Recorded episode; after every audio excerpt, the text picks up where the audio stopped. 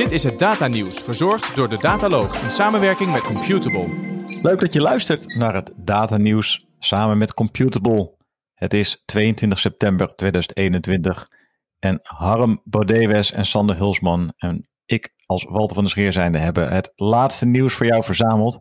En we gaan eh, door de verschillende rubrieken heen. Harm en Sander, leuk dat jullie er zijn. Ja, het is weer een genoegen.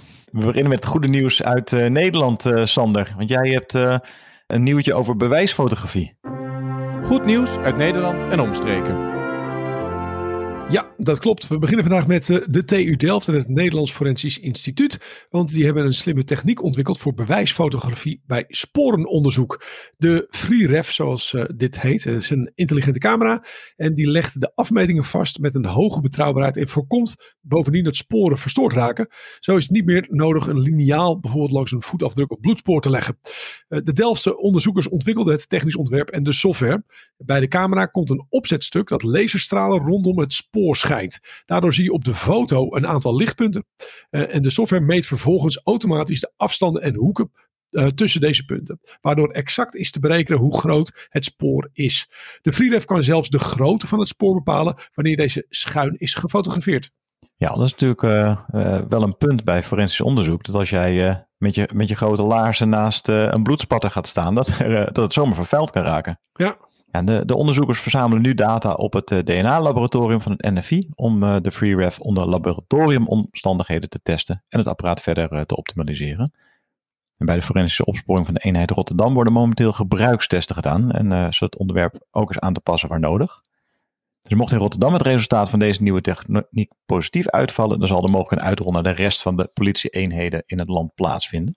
Ja, dan blijven we nog even in de hoek van het verklaren. En gaan van uh, opsporing richting de zorg, toch Harm? Ja, dat klopt uh, Walter. Ik heb een nieuwtje. De stichting Kanker.nl en Nictis hebben namelijk recent formeel bevestigd medische termen in patiëntportalen begrijpelijker te maken voor de kankerpatiënten. Nictis doet dat overigens ook voor allerlei andere ziektegebieden. Ik weet niet hoe, hoe ik dat moet noemen. Maar goed, beide partijen, Stichting Kanker.nl en Nictis, die tekenden daartoe een convenant in Den Haag. Door uitleg te geven over medische termen die zorgprofessionals gebruiken, worden patiënten in hun zorgportaal beter geïnformeerd. Dat willen we natuurlijk allemaal. De koppeling van gevalideerde patiëntvriendelijke termen en beschrijvingen van Kanker.nl aan SNOMED helpt zowel patiënten als de eerder genoemde zorgprofessionals. En wat is dan SNOMED? SNOMED is het internationaal medisch terminologiestelsel van en voor zorgprofessionals en zorgt voor eenheid van talen, zodat zorgprofessionals, patiënten en computers elkaar begrijpen. Ja, deze samenwerking die is uniek te noemen omdat de eenheid van taal hier in eerste instantie het belang van de patiënt dient. Een zorgprofessional legt bijvoorbeeld primair maligne tumor in de long vast in het EPD. Ik ga ervan uit dat ik het uh, ik ga ervan uit, ik hoop dat ik het goed heb uitgesproken. Want ik als patiënt zou liever longkanker zien in uh, mijn portaal. Want dan begrijp ik gelijk uh, wat er bedoeld wordt. Als de patiënt op het woord longkanker klikt, dan komt hij op de betreffende pagina uit bij kanker.nl. En zo wordt de patiënt goed opgevangen in zijn portaal en naar de juiste plek op de website geleid. Ja, en dan is de stap van portaal naar register uh, natuurlijk een klein, hè, Sander? want het SVB die is ook bezig met uh, informatie goed te ordenen. Ja, dat klopt. En uh, daarbij staat de SVB natuurlijk voor de Sociale Verzekeringsbank. En die publiceert binnenkort een register met veel gebruikte algoritmen op de eigen website. Daarin staat welke algoritmen door de SVB worden ingezet en hoe die werken. Ook verschijnt er een lijst met contactpersonen voor het opvragen van technische informatie. De SVB gaat burgers zo meer inzicht geven in de ingezette algoritmen. De organisatie werkt ook mee aan een landelijk algoritmeregister. Dat is nog niet klaar en de SVB wil daar uh, niet op wachten en plaatst binnenkort al een eigen algoritme register op de website. Er is geen specifieke datum genoemd wanneer dat gebeurt. Ja, het is eigenlijk wel mooi dat SVB hier in het voortouw neemt, want we hebben het volgens mij naar aanleiding van de toeslagenaffaire in deze podcast wel vaker gehad over blackbox en whitebox algoritme. hoe werken overheidsalgoritmes? Ja, eigenlijk zou je dat als burger toch uh, moeten weten. En over dat algemene algoritme-register, daar hebben we het ook heel vaak over gehad. En nu kennelijk is SVB de eerste overheidsinstantie die daar ook daadwerkelijk iets aan gaat uh, toevoegen. Ik vind het eigenlijk wel goed nieuws, heren. Ja, zeker. Ja, absoluut. Ja, als afsluit van het goede nieuws uit Nederland uh, ook nog een item over uh, Picnic. De voor iedereen inmiddels uh, bekende websuper, die zichzelf ook wel omschrijft als uh, de moderne SRV-man. Van Picnic heeft 600 miljoen euro opgehaald in een nieuwe financieringsronde. En uh, de investeerders, dat is niemand minder dan de Bill and Melinda Gates Foundation Trust, die deze ronde heeft geleid. maar ook andere bestaande investeerders deden mee in deze ronde. En met dit extra kapitaal breidt Picnic uit in Europa, en vooral in Duitsland en Frankrijk. Nou, naar eigen zeggen, moderne SRV-man heeft het geld nodig. Waarvoor? Voor de inrichting van gerobotiseerde distributiecentra voor elektrische voertuigen en extra softwareontwikkelaars. En ook wil Picnic de investering gebruiken voor verdere innovatie. Nou, de online supermarkt brengt boodschappen met elektrische wagentjes gratis aan de deur. En na hun start in 2015 willen zij nu dus uh, verder groeien. Maar wist je dat ze inmiddels uh, al actief zijn in ruim 200 plaatsen in Nederland en Duitsland en Frankrijk? Ja, ze zijn flink gegroeid is gigantisch. En ze bestaan dus nog maar een uh, jaar of uh, zes. Ze hebben een enorme positie heeft, uh, hebben, hebben ze verworven. Het is misschien ook wel goed om andere bedrijven te noemen, Gorilla's en Flink. Die gaan volgens mij eigenlijk nog verder. Hè? Als je één banaan wilt kopen, heel flauw woordgrapje, bij Gorilla's. Dan beloven ze in ieder geval in de grote steden dat je binnen 10 minuten thuis die ene banaan bezorgd krijgt. Zo werkt het toch. Ja, ja ik, ik, ik, woon op een platteland. Ik, ken dat niet, maar misschien jullie wel. nee, ik uh, woon op hetzelfde platteland, denk ik. maar goed, wel handig uh, als je natuurlijk uh, even voor de, de tussendoor trekken een banaantje kan laten komen. Precies, ja, gemak dient de mens. En ja, we gaan hier nog veel van horen, denk ik, de komende jaren. En ja, een onderdeel van het succes van Picnic is denk ik ook wel de manier hoe zij hun IT opzetten. open source speelt daar een belangrijke rol. Regelmatig komen er ook producten en libraries van Picnic beschikbaar voor andere ontwikkelaars. Maar die aanpak zien we ook bij andere bedrijven terug. Zo viel ons op dat Coolblue het codemuseum heeft geopend. En, want ook bij Coolblue draait alles om software. En daar zijn ze terecht natuurlijk heel trots op. En om die reden hebben zij hun mooiste stukjes code en de verhalen van de ontwikkelaars die ze geschreven hebben, geven zij een podiumplek in het Codemuseum. En die kunstwerken die kan je dus digitaal uh, bewonderen. Maar ook in de Coolblue winkels in de, de verschillende steden kan je dat uh, zien. Dus uh, ja, open source to the max. Ja, natuurlijk wel een mooie toevoeging van Coolblue. Hè? Briljante marketing. Dat je daar dus dan nu apisch kan gaan kijken. Kom weer op die bananen terug. De gorilla's. Ja. Ik zie een rode draad hier ontstaan. Nou, laten we het goede nieuws in Nederland voor nu afsluiten en door naar het volgende onderdeel. Feit of fictie? Of fictie, fictie, fictie ja, ontharm in feit of fictie ja. uh, de vraag hoe ja, we met alternatieve data de aandelenbeurs kunnen gaan beïnvloeden. Ik heb wederom naar Tegenlicht gekeken, de, de echt goede documentaire serie van VPRO. En nadat we eerder een aantal maanden geleden over het dataïsme hebben gesproken, had uh, nu een uitzending over alternatieve data um, op de aandelenbeurs. Nou, waar gaat het om? Het gaat erom dat er allerlei data is, alternatieve data, om te voorspellen wie de winnaars en verliezers zijn op de aandelenbeurs. Waar beleggers voorheen moesten wachten op jaarverslagen, berichten van analisten, kwartaalcijfers en persberichten, die vanuit de bedrijven zelf werden gepubliceerd, blijkt het inzetten van de enorme hoeveelheden data uit andere, meestal openbare bronnen, voor grote beleggers heel erg lucratief. En deze alternatieve data blijkt goed te kunnen voorspellen of bepaalde koersen omhoog of omlaag zullen gaan. Alle data die over ons wordt verzameld blijken een goede voorspeller te zijn van de aandelenbeurs. Een data-analyse van creditcardafschriften van miljoenen mensen kan de cijfers van sommige bedrijven met grote precisie voorspellen. En een bedrijf als uh, Tinknum helpt beleggers door alle data van sociale media sites te analyseren op signalen die kunnen verklappen wat een bepaald aandeel zal doen. De zucht naar data om beleggers een beter inzicht te geven houdt niet op bij creditcardinformatie en Twitterberichten. Ook de emoties in de stemmen van CEO's worden geanalyseerd door uh, bijvoorbeeld een bedrijf als Helios Live Enterprises, die uit elke zin kan destilleren of de persoon in kwestie vrolijk, zelfverzekerd of juist bijvoorbeeld geïrriteerd is. Ook data over vliegbewegingen van CEO's kan van belang zijn, want stel nou dat je twee corporate jets hebt die telkens landen uh, op dezelfde plek, dan zou dat misschien een indicatie kunnen zijn dat bijvoorbeeld deze bedrijven kunnen gaan fuseren. Ja, je moet het echt kijken hoor, tegenlicht. Wat ze ook onderzoeken is, wie heeft er dan toegang tot al die waardevolle voorspellende data? Tot nu toe zijn het vooral grote beleggers, zoals hedge funds, die miljarden euro's per jaar neertellen om toegang te krijgen tot die datasets. En dan zijn er weer andere bedrijven die die datasets verkopen. Maar voor beleggers met een kleine portemonnee is toegang tot die data lastig. En in deze uitzending biedt tegenlicht inzage in hoe nieuwe datastromen de beurs veranderen en wie er het meest profijt van heeft. Uh, ik, ik, zit denk ik, is onze mede-host uh, Lex uh, hier ook niet mee bezig met zijn bedrijf? Ja, dat klopt. Het is heel jammer dat Lex er vandaag niet is. Maar ik weet dat Lex vanuit Ortec bezig is met een product dat heet Business Radar. Nou Lex, als je luistert, en natuurlijk luister je. In de volgende uitzending gaan we hier nog een keer wat dieper op in. Het is inderdaad stof tot nadenken. Uh, en over nadenken gesproken, uh, laten we doorgaan naar het uh, academisch nieuws. En dan nu, de laatste wetenschappelijke inzichten op het gebied van AI en deep learning. Ter ere van de 65e verjaardag van de Technische Universiteit Eindhoven heeft chipmachinefabrikant ASML twee high-tech apparaten gedoneerd. Die apparaten zijn bestemd voor het fonkelnieuwe Eindhoven Hendrik Casimir Instituut, waarin fotonica en kwantumtechnologie worden samengebracht. Nou, een van de aangeboden apparaten is een Critical Dimension Scanning Electron Microscope, ofwel een CDSM. Hiermee kun je op nanoschaal de afmetingen van lithografisch gemaakte fotonica-elementen controleren. En het tweede betreft een systeem voor Direct Laser Write Lithography, waarmee je micropatronen kunt maken met een ultra-precieze laserstraal. Ja, daar staat ASML natuurlijk onbekend. De universiteit verwacht dat de twee apparaten een belangrijke rol krijgen in het onderzoek naar toekomstige microchip-technologieën. Behalve de twee machines financiert ASML de inrichting van nieuwe studentenlabs en neemt het onderhoud van de ASML-scanner van de TUW voor zijn rekening. De totale waarde van de donaties bedraagt ongeveer 3,5 miljoen euro. En uh, nou ja, van de ene investering uh, naar de volgende financiële kans. Al zullen de luisteraars zich wel afvragen wat de Belastingdienst in het academisch nieuws doet. Nou, let op, want de Universiteit van Amsterdam gaat onderzoeken hoe met behulp van IT, eh, zoals bijvoorbeeld artificial intelligence en blockchain, betere belastingstelsels zijn te ontwerpen. Het Amsterdam Center of Tax Law doet dit in samenwerking met overheden en bedrijven.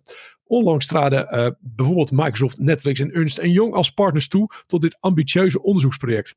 Ook de Belastingdienst van Buenos Aires wil zich bij het initiatief aansluiten. Ja, het doel van het project is een fiscaal systeem te ontwerpen dat goed aansluit op digitale betaalmethoden, cashless, cashless uiteraard, online platforms en een maatschappij vol nieuwe technologie. En volgens de leider van het onderzoeksproject, professor Dennis Weber, is veel belastingfraude te voorkomen door de inzet van bijvoorbeeld blockchain-technologie. In 2018 miste de EU maar liefst 140 miljard euro aan btw-inkomsten, waarvan 50 miljard euro door fraude. Het huidige belastingstelsel stamt uit een tijd dat de technologie in de kinderschoenen stond. Daardoor blijven veel kansen onbenut. En die professor Weber wil daarom de zaak omdraaien. Hoe moet je het fiscaal systeem inrichten, zodat maximaal is te profiteren van alle nieuwe technologie en tools? Ik vind het toch wel interessant hoor. Je, je zegt dan, uh, Harm, uh, dat uh, de EU 150 miljard euro aan btw-inkomsten mist, waarvan 50 miljard door fraude. Maar als ze dat weten, waarom halen ze dat er niet alsnog gewoon op? Ja, ik, ja, dat is een hele goede vraag, Walter. Ik denk dat dit een schatting is van diezelfde onderzoeksgroep. En dat ze het eigenlijk gebruiken als reden om nu met die nieuwe technologie aan de slag te gaan. Maar eigenlijk moeten we dit gewoon ophalen. Je hebt, je, tuurlijk, je hebt hem wel gelijk, Walter. Dan door naar het security nieuws. Het ROC Mondriaan weigert te capituleren voor de hackers die de onderwijsgroep uit de regio Haaglanden afpersen. Om de druk op te voeren heeft de hackergroep, uh, die zou luisteren naar de naam Vice Society, uh, persoonsgegevens van studenten en medewerkers op internet geplaatst. De opleider voor middelbaar beroepsonderwijs houdt echter de poot stijf. De hackers hebben volgens een woordvoerder een fors bedrag aan losgeld geëist, maar dit bedrag zal in elk geval niet worden betaald. Het ROC heeft daar na overleg met de autoriteiten toe besloten. Als publiek gefinancierde onderwijsinstelling vindt Mondriaan dat ze zoiets niet kan maken. Ja, en uh, ook door te betalen schep je misschien ook wel een precedent. Hè? Want uh, de Hagenezen die tonen zich in dit geval ja, meer principieel dan de Universiteit Maastricht. Zij moesten begin 2020 uh, na ransomware aanval ongeveer 2 ton aan losgeld uh, betalen. En dat uh, kwam de Limburgers destijds op forse kritiek vanuit de Tweede Kamer te staan. Dus ik kan me ook voorstellen dat dit meespeelt in de beslissing van het ROC Mondriaan. Maar ja, ik vind het goed. fight back. Nou, en dan ondanks de recente aanvallen op instellingen in het onderwijs, doen hogescholen en universiteiten nog steeds te weinig om zich afdoende te beschermen tegen cybercriminelen. Dat concludeert althans de inspectie van het onderwijs. Volgens die onderwijsinspectie hebben nog niet alle onderwijsinstellingen genoeg kennis, actuele informatie of voldoende beschermingsmogelijkheden om cyberdreigingen het hoofd te bieden. Universiteiten en hogescholen kunnen hun digitale veiligheid vergroten door beter samen te werken. Daarbij moet de overheid de regierol op zich nemen en de beschikbare kennis over digitale veiligheid samenbrengen, adviseert de inspectie. En dat doen ze in een rapport en dat heet Binnen zonder kloppen. Kennen jullie dat nummer van de dijk? Geweldig mooi nummer. Ja, briljant.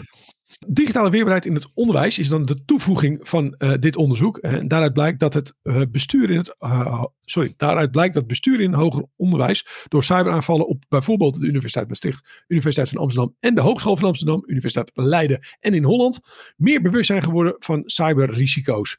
Ook zijn er meer basismaatregelen genomen. Maar stelt de onderwijsinspectie vast, dit is nog niet voldoende en het verschilt sterk per instelling. Ook hebben grote onderwijsinstellingen, denk bijvoorbeeld aan universiteiten met vele faculteiten, niet altijd zicht op de digitale veiligheid bij hun verschillende organisatieonderdelen. Ja, en dan naar het privacy nieuws. Want de Nederlandse stichting die eist miljarden in een privacyzaak die zij aangespannen hebben tegen TikTok. Ken je de app, uh, Sander? Ken je de app, Harm? Ja, ik ken hem. Ik heb uh, twee kinderen thuis. Mijn kinderen zijn daar net te oud voor, denk ik. Tenminste, ik hoor ze er nooit over. Ja, want de Stichting Massaschade en Consument die eist nu een schadevergoeding van ruim 6 miljard euro in een rechtszaak tegen TikTok. Want volgens de stichting schendt het Chinese social video platform de Europese privacywetgeving en wordt data van gebruikers onrechtmatig verzameld en doorverkocht. Dus in deze collectieve zaak, die dient voor de Amsterdamse rechtbank, komt de stichting op voor de 4,5 miljoen Nederlandse gebruikers van TikTok, waarvan dus ongeveer een derde minderjarig is. Ja, nou, het tweede van, van mij. Volgens de dagvaarding uh, zijn de TikTok-algoritmen onvoldoende transparant en in strijd met Europese wetgeving. Ook bestaan er geen mogelijkheden voor gebruikers om filters in te stellen om het gepersonaliseerde aanbod van de Chinese videodienst te beïnvloeden.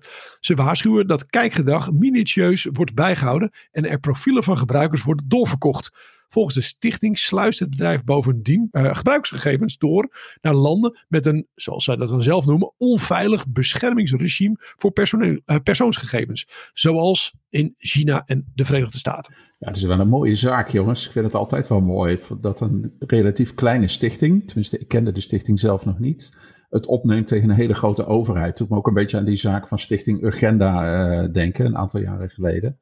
Maar goed, wat vordert de stichting? Schadebedragen variërend van 1250 tot 1750 euro per klant, denk ik, hè, per, per uh, gebruiker. Nou, hoe ze dan tot het bedrag komen, dat weet ik eerlijk gezegd niet. Maar uh, dat hangt dan weer af van de leeftijdsgroep waarin de gebruikers vallen. En die bedragen die zijn gebaseerd op eerdere Nederlandse en Europese uitspraken, waarbij de privacy van consumenten werd geschonden. Ja, en eigenlijk geeft het ook heel mooi ja, de waarde van een profiel hè, op een platform aan. Er zit gewoon advertentiewaarde zit erachter in de informatie die een gebruiker oplevert. Ja, dat wordt hier gekwantificeerd. En door die enorme hoeveelheden gebruikers die TikTok inmiddels kent, ja, gaat het dus ook om waanzinnige bedragen. Dat is echt, dat is echt veel geld. Hè? 1500 euro per gebruiker. Zal het voor andere social media platformen ook zoiets zijn? De waarde van een LinkedIn profiel? Ik roep maar even wat. En voor anderen nog wel veel meer. Ik denk de waarde die jij voor uh, een Apple of voor een Google vertegenwoordigt, uh, dat uh, kan je nog wel een factor 10 erbij optellen. Ik zit me vooral af te vragen waar ik me kan melden. Zullen we lekker door naar het cloudnieuws, mannen? Cloudnieuws. Een ietsje oude cloudnieuwtje. Uh, want Amazon Web Services gaat quantumcomputers uh, voor de cloud ontwikkelen. Uh, daaromheen komen eigen software en algoritmes. De Amerikaanse hyperscaler heeft al een volledig beheerde dienst. Hè, die noemen we dan de Amazon Bracket. Waarmee wetenschappers tests kunnen doen met hardware van andere fabrikanten. AWS ziet zoveel potentie in deze technologie. dat nu ook eigen machines op stapel staan. Naartoe wordt binnen AWS een Center for Quantum Computing opgericht. Ja, en dat center wordt geleid door niemand minder dan de Canadese natuurkundige Oscar Painter. Hij leidde uh, eerder het uh, Max Planck Instituut for the Science of Light. En in een vraaggesprek met de Duitse zaakkrant Handelsblad stelt Painter dat Amazon de huidige quantum computing technologie als geavanceerd genoeg beschouwt om de markt te betreden. En volgens hem is de fase bereikt waarin het aantal qubits waarmee we kunnen werken interessant wordt. Ja, AWS gaat met de eigen quantumcomputer de concurrentie aan met partijen zoals IBM, Microsoft, Google en Intel. Ook Chinese bedrijven, of nou ja, misschien beter gezegd staatsbedrijven, zijn erop gebrand zich een positie te verwerven. Overigens kan het nog wel tot eind van dit decennium duren voordat deze systemen commercieel succesvol zijn in te zetten. Ja, en daar is een goede infrastructuur belangrijk voor. Uh, vind je niet, Harm? Ja, en um, onderdeel van die goede infrastructuur is uiteraard glasvezel. In Europa gaat de uitrol van nieuwe glasvezelnetwerken de komende vijf jaar versneld worden. En deze ontwikkeling is natuurlijk grotendeels te danken aan de pandemie. De pandemie leidde tot meer dataverkeer en meer vraag naar snelle verbindingen. Hierdoor ontstond een gunstig investeringsklimaat. En particuliere beleggers steken graag geld in glasvezelverbindingen om het toenemende verkeer te ondersteunen.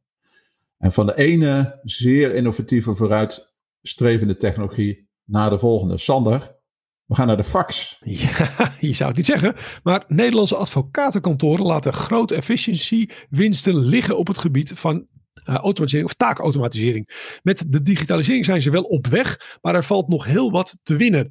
Trend is dat ruim vier op de vijf kantoren nog een fax in gebruik heeft. Dat is wel bijzonder. Hè? Dit uh, blijkt, dat, die vier op de vijf, dat blijkt uit de benchmark digitalisering van de Nederlandse advocatuur. De Lexin groep liet een onderzoek doen naar de mate van automatisering in de advocatuur en de toekomstplannen. Iets meer dan een kwart van de respondenten werkt met een cliëntenportaal om stukken uit te wisselen. Betrekkelijk laag ook is het percentage kantoren, 41%, dat stukken door cliënten digitaal laat ondertekenen. Wel is de koudwatervrees voor cloudtechnologie zo goed als verdwenen in de wereld van de advocatuur in Nederland. En nog slechts een handjevol kantoren kiest ervoor om volledig on-premise te werken met eigen servers in een eigen ruimte. Maar die fax, die, eh, die, die, die blijft, eh, Walter, of niet? Ja, ja uh, ondanks uh, de, de snelle opkomst en de, de vaste plek van mailen, uh, heeft de fax toch nog wel een, een plek in de advocatuur. Ruim vier op de vijf kantoren die gebruiken dus nog zo'n fax. ja, zolang het procesrecht dit apparaat, apparaat blijft voorschrijven, zal die optie voor het aanleveren van stukken worden benut. Alleen bij project digitale toegankelijkheid van de rechtspraak kan hier een einde aan gemaakt worden. Opvallend is dat er eigenlijk bijna geen rechtsgebied is waar de fax al helemaal buiten beeld is. En ook is de keuze tussen een analoog faxapparaat of een e-fax ja, niet significant anders tussen de verschillende rechtsgebieden. Het is wel bijzonder, hè? want jullie werken ook allebei bij bedrijven, hè? Sander en uh, Walter. Want Zeker. Dataloog, dat doen we natuurlijk als, als hobby, dat is wel duidelijk, denk ik. Hè? Hebben jullie bedrijven uh, nog ergens een faxapparaat staan? Uh, wordt dat apparaat ook nog gebruikt? Ik kan het niet voor het hele bedrijf zeggen. Ik kan wel natuurlijk even voor Computable praten. Daar hebben wij uh, enige tijd geleden al de fax uitgefaseerd. Nu was het in het verleden, zeker in de journalistiek, gebruikelijk dat het allerlaatste nieuws per fax binnenrolde. Uh, dat was altijd het papier, dat rolde ook altijd op. Maar dan hebben we het toch wel al uh, over enige tijd geleden. Dus bij ons is het er niet meer. Ja, we hebben nog wel ergens een e-fax, denk ik. Af en toe wordt het ook gevraagd door leveranciers om het faxnummer in te vullen. Dus dat doen we dan, dan braaf. Denk, ah, die hebben we nog. Mooi, die zetten we er gewoon bij. Maar er komt eigenlijk nooit wat binnen. Kun je nog een fax kopen? Ja, ik denk op Marktplaats dat er nog wel aanbod is hoor. Nou, terwijl Sander gaat kijken naar het kopen van een fax op Marktplaats, gaan wij even kijken naar de data-uitagenda de data-agenda voor de komende maand. Ja, want we mogen er weer op uit, hè? Lekker. Uh, we mogen gewoon weer uh, op stap en uh, elkaar ontmoeten. en een van de eerste mogelijkheden om dat te doen is de Data Insights Conference. Want die vindt op 5 oktober plaats in Utrecht in Supernova bij de jaarbeurs. En het gaat hier vooral over het digitaliseren, het ontsluiten van data en gaan werken op basis van informatie die beschikbaar is. Data Insights Conference is het uh, kleine zusje van uh, de Big Data Expo. En tijdens deze eendaagse conferentie komen verschillende professionals en managers vanuit de business en de datateams samen om inspiratie en een oplossing te vinden op vraagstukken. Dus uh, komt alle, schrijf je in. We delen de link in de show notes. Ja, 5 oktober, als je in Utrecht bent geweest, dan kan je op 6 oktober gelijk door naar Tilburg, Harm. Nou, Den Bosch, als je het goed vindt. Want uh, speciaal voor studenten en young professionals organiseert uh, JATS op 6 oktober 2021 weer de jaarlijkse Data Science Experience Day, oftewel DEX 2021. Het is een heel leuk evenement. Ik ben daar zelf ook één of twee keer geweest. En er is een markt voor bedrijven. Er zijn presentaties vanuit diverse universiteiten. Um, en volgens de laatste informatie, ik heb de website vanochtend nog even gecontroleerd, vindt het evenement helaas online plaats.